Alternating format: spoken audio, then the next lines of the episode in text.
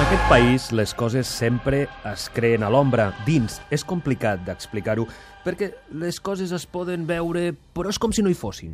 Així neix el 1961 Òmnium Cultural, a la catalana. Cinc persones de la societat s'inventen una estructura d'estat al servei de la llengua i la cultura. Òmnium, com tot lo d'aquest país, és un paraestat. Quan no hi ha estat, quan l'estat t'ofegue, crees un estat dins o al costat de l'estat.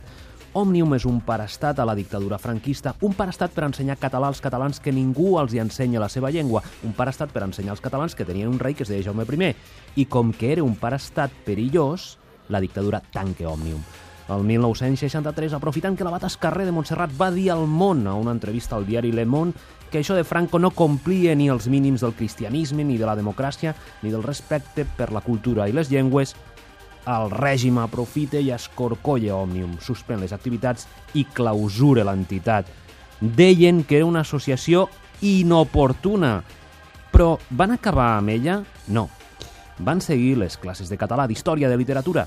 D'amagat, a domicilis, neix una nova comunicació, la més antiga de sempre, neix el de sempre, al boca-orella. La comunicació de minories per arribar a ser massa, la xarxa social, al formigueig, al xiu-xiueig, fins i tot els diners que donaven molta gent a Òmnium es feia d'amagat, de butxaca en butxaca, fins i tot sense que ho sabessin a casa, la dona, els fills...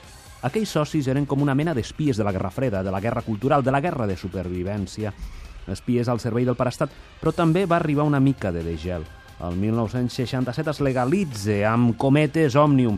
Es legalitza vol dir que es permet que són una mica la vista grossa. Òmnium reobre la seva seu del Palau d'Almasses i aleshores comença la propaganda, la comunicació, que comença a sortir de la clandestinitat. Fins avui que sembla que, malgrat dictadures i democràcies, la comunicació, si es vol guanyar alguna cosa, continua sent el boca a orella, el tuit a tuit, el clic a clic, el mà a mà, les xarxes que fan xarxes.